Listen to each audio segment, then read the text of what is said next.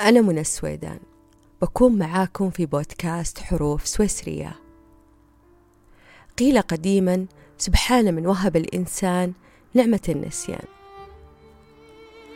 النسيان الذي سنتحدث عنه اليوم نسيان قاسي وموجع. وكما صوره البعض بأنه أشد قسوة من الموت.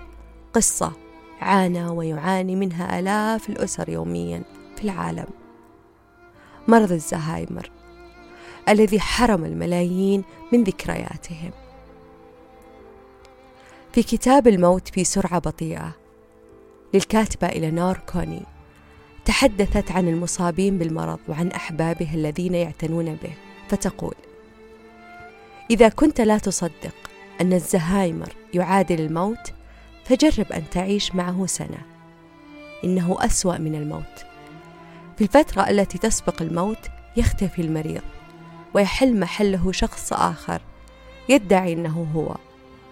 وأنت عبر اللقاء اليومي الحميم مع المريض تصبح نسخة مرعبة وشاحبة من نفسك القديمة.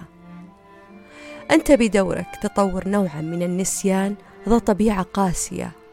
لا يعود بوسعك أن تتذكر الشخص الطبيعي الذي عرفته قبل المرض. عن نفسي أنا منى منذ أسبوعين.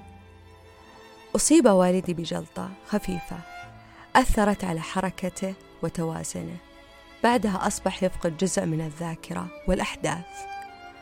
عشنا أنا وإخوتي حالة من الترقب والقلق والخوف. كانت موجعة وقاتلة تلك اللحظة التي لم يتعرف عليها والدي في فترة مرضه. مع إنها كانت لحظات بسيطة ولكن كانت أول هزائمي. حينها فقط شعرت بوجع عائلة مصاب الزهايمر. شعرت بغصتهم عندما يحكون لي قصصهم وتجاربهم وحجم معاناتهم. كنت أتعاطف معهم ولكن لم أشعر بمرارة الألم والوجع الذي يصيبهم من الداخل.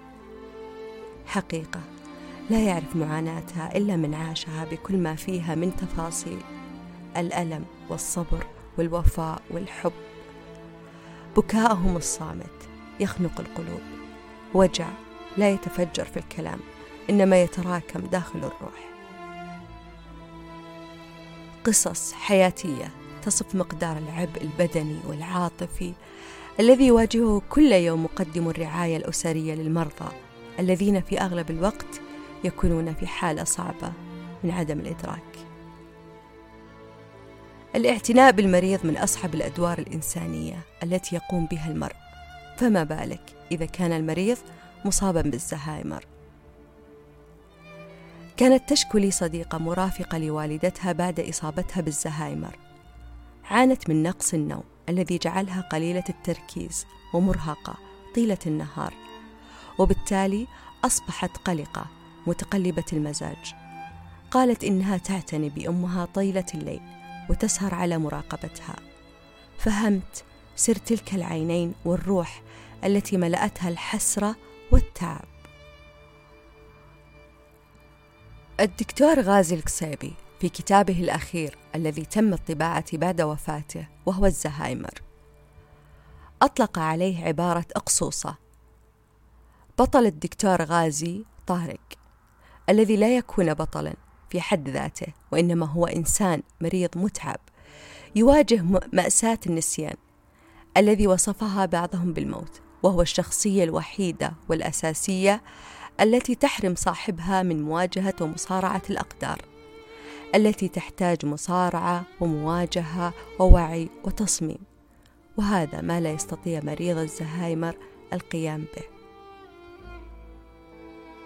مرض لا يفرق بين الجيد والسيء. يمحو كل شيء وعندما يذهب كل شيء أي معنى يبقى للسعادة؟ جميع التجارب السعيدة تنتهي.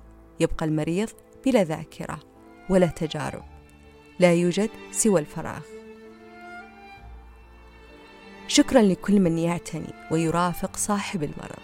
أنتم أشخاص مميزين لأنكم في كل لحظة تقاومون روح ضج بها الوجع. ولكل الجمعيات في العالم المهتمة بالعناية وتقديم المساعدة لمصابي الزهايمر وعائلاتهم.